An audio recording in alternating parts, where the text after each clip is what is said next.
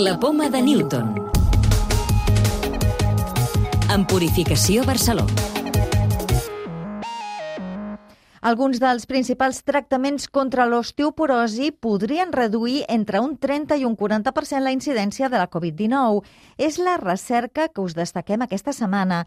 També us parlarem d'una tècnica menys invasiva per detectar alguns càncers infantils i d'un dinosaure únic al món que va viure al Pallars fa 66 milions d'anys. Investigadors de l'Hospital del Mar, l'Institut Hospital del Mar d'Investigacions Mèdiques, la Universitat Pompeu Fabra i el Parc Sanitari Pere Virgili han descobert que les persones amb osteoporosi no tenen més risc de tenir una Covid greu a causa de la medicació i fins i tot que alguns d'aquests fàrmacs podrien reduir tant el risc de contraure la malaltia com el de desenvolupar complicacions. Ho explica Josep Blanc, cap de reumatologia de l'Hospital del Mar. Els tractaments antiosteporòtics són segurs, no tenen més propensió a agafar Covid. També hem vist que tres tractaments antiosteporòtics, el denosumab, l'àcid soledrònic i el calci, tenen un efecte protector. O sigui que la gent que pren aquests tractaments s'infecta menys per Covid. La causa pot ser que aquests fàrmacs també actuen sobre el sistema immune. El denosumab és un anticòs monoclonal dirigit contra un sistema que controla el metabolisme òssic. També té un efecte a nivell del sistema immune i creiem que possiblement degut a aquest efecte sobre el sistema immune podria modular en benefici la infecció per aquest virus.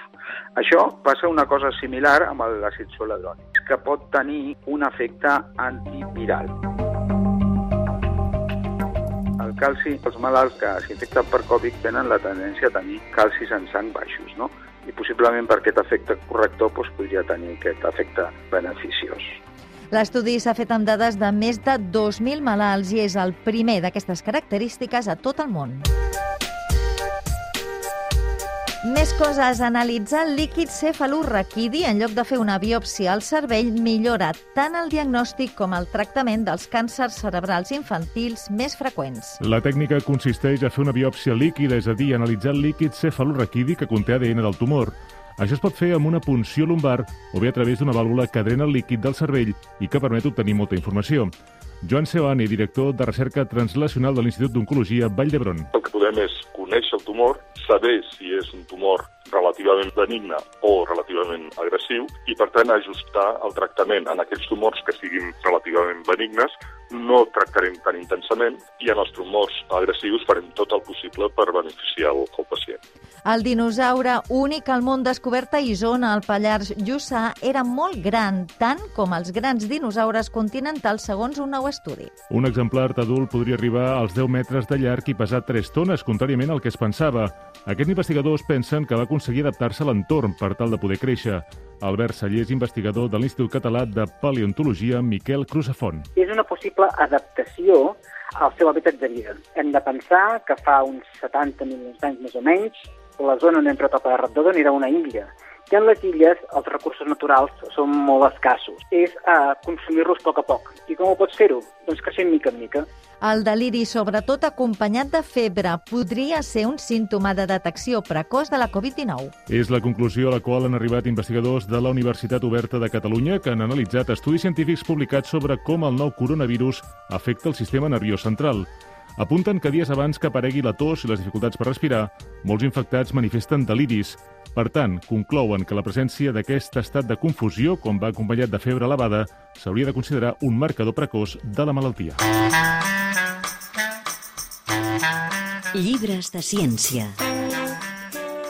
Avui us recomanem una obra que respon a l'essència bàsica de la divulgació científica i que ens acosta al moment especial que un científic aconsegueix un gran descobriment. El instante mágico del divulgador científic britànic Marcus Chown és un repàs apassionant dels 10 grans descobriments que van contribuir a canviar la història de la ciència. L'obra ens fa viatjar des de l'antiga Mesopotàmia fins la primera detecció d'ones gravitacionals l'any 2015 i ens fa viure l'emoció de grans fites de la ciència.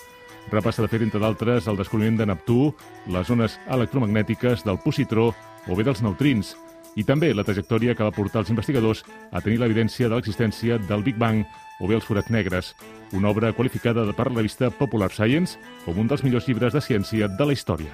La clau de volta. Quins tipus d'immunitat generem davant d'una infecció?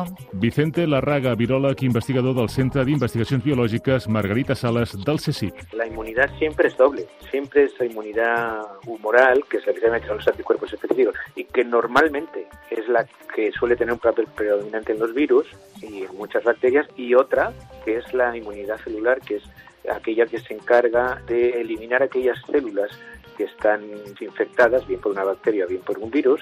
Esas células sufren una transformación y en cuanto sufren una transformación son localizadas por el sistema inmune celular que las elimina y por tanto elimina bien el virus, bien el parásito del que se trate. Recordeu que podeu descarregar-vos el podcast de la Poma de Newton o subscriure-us al programa per rebre'l directament als vostres dispositius.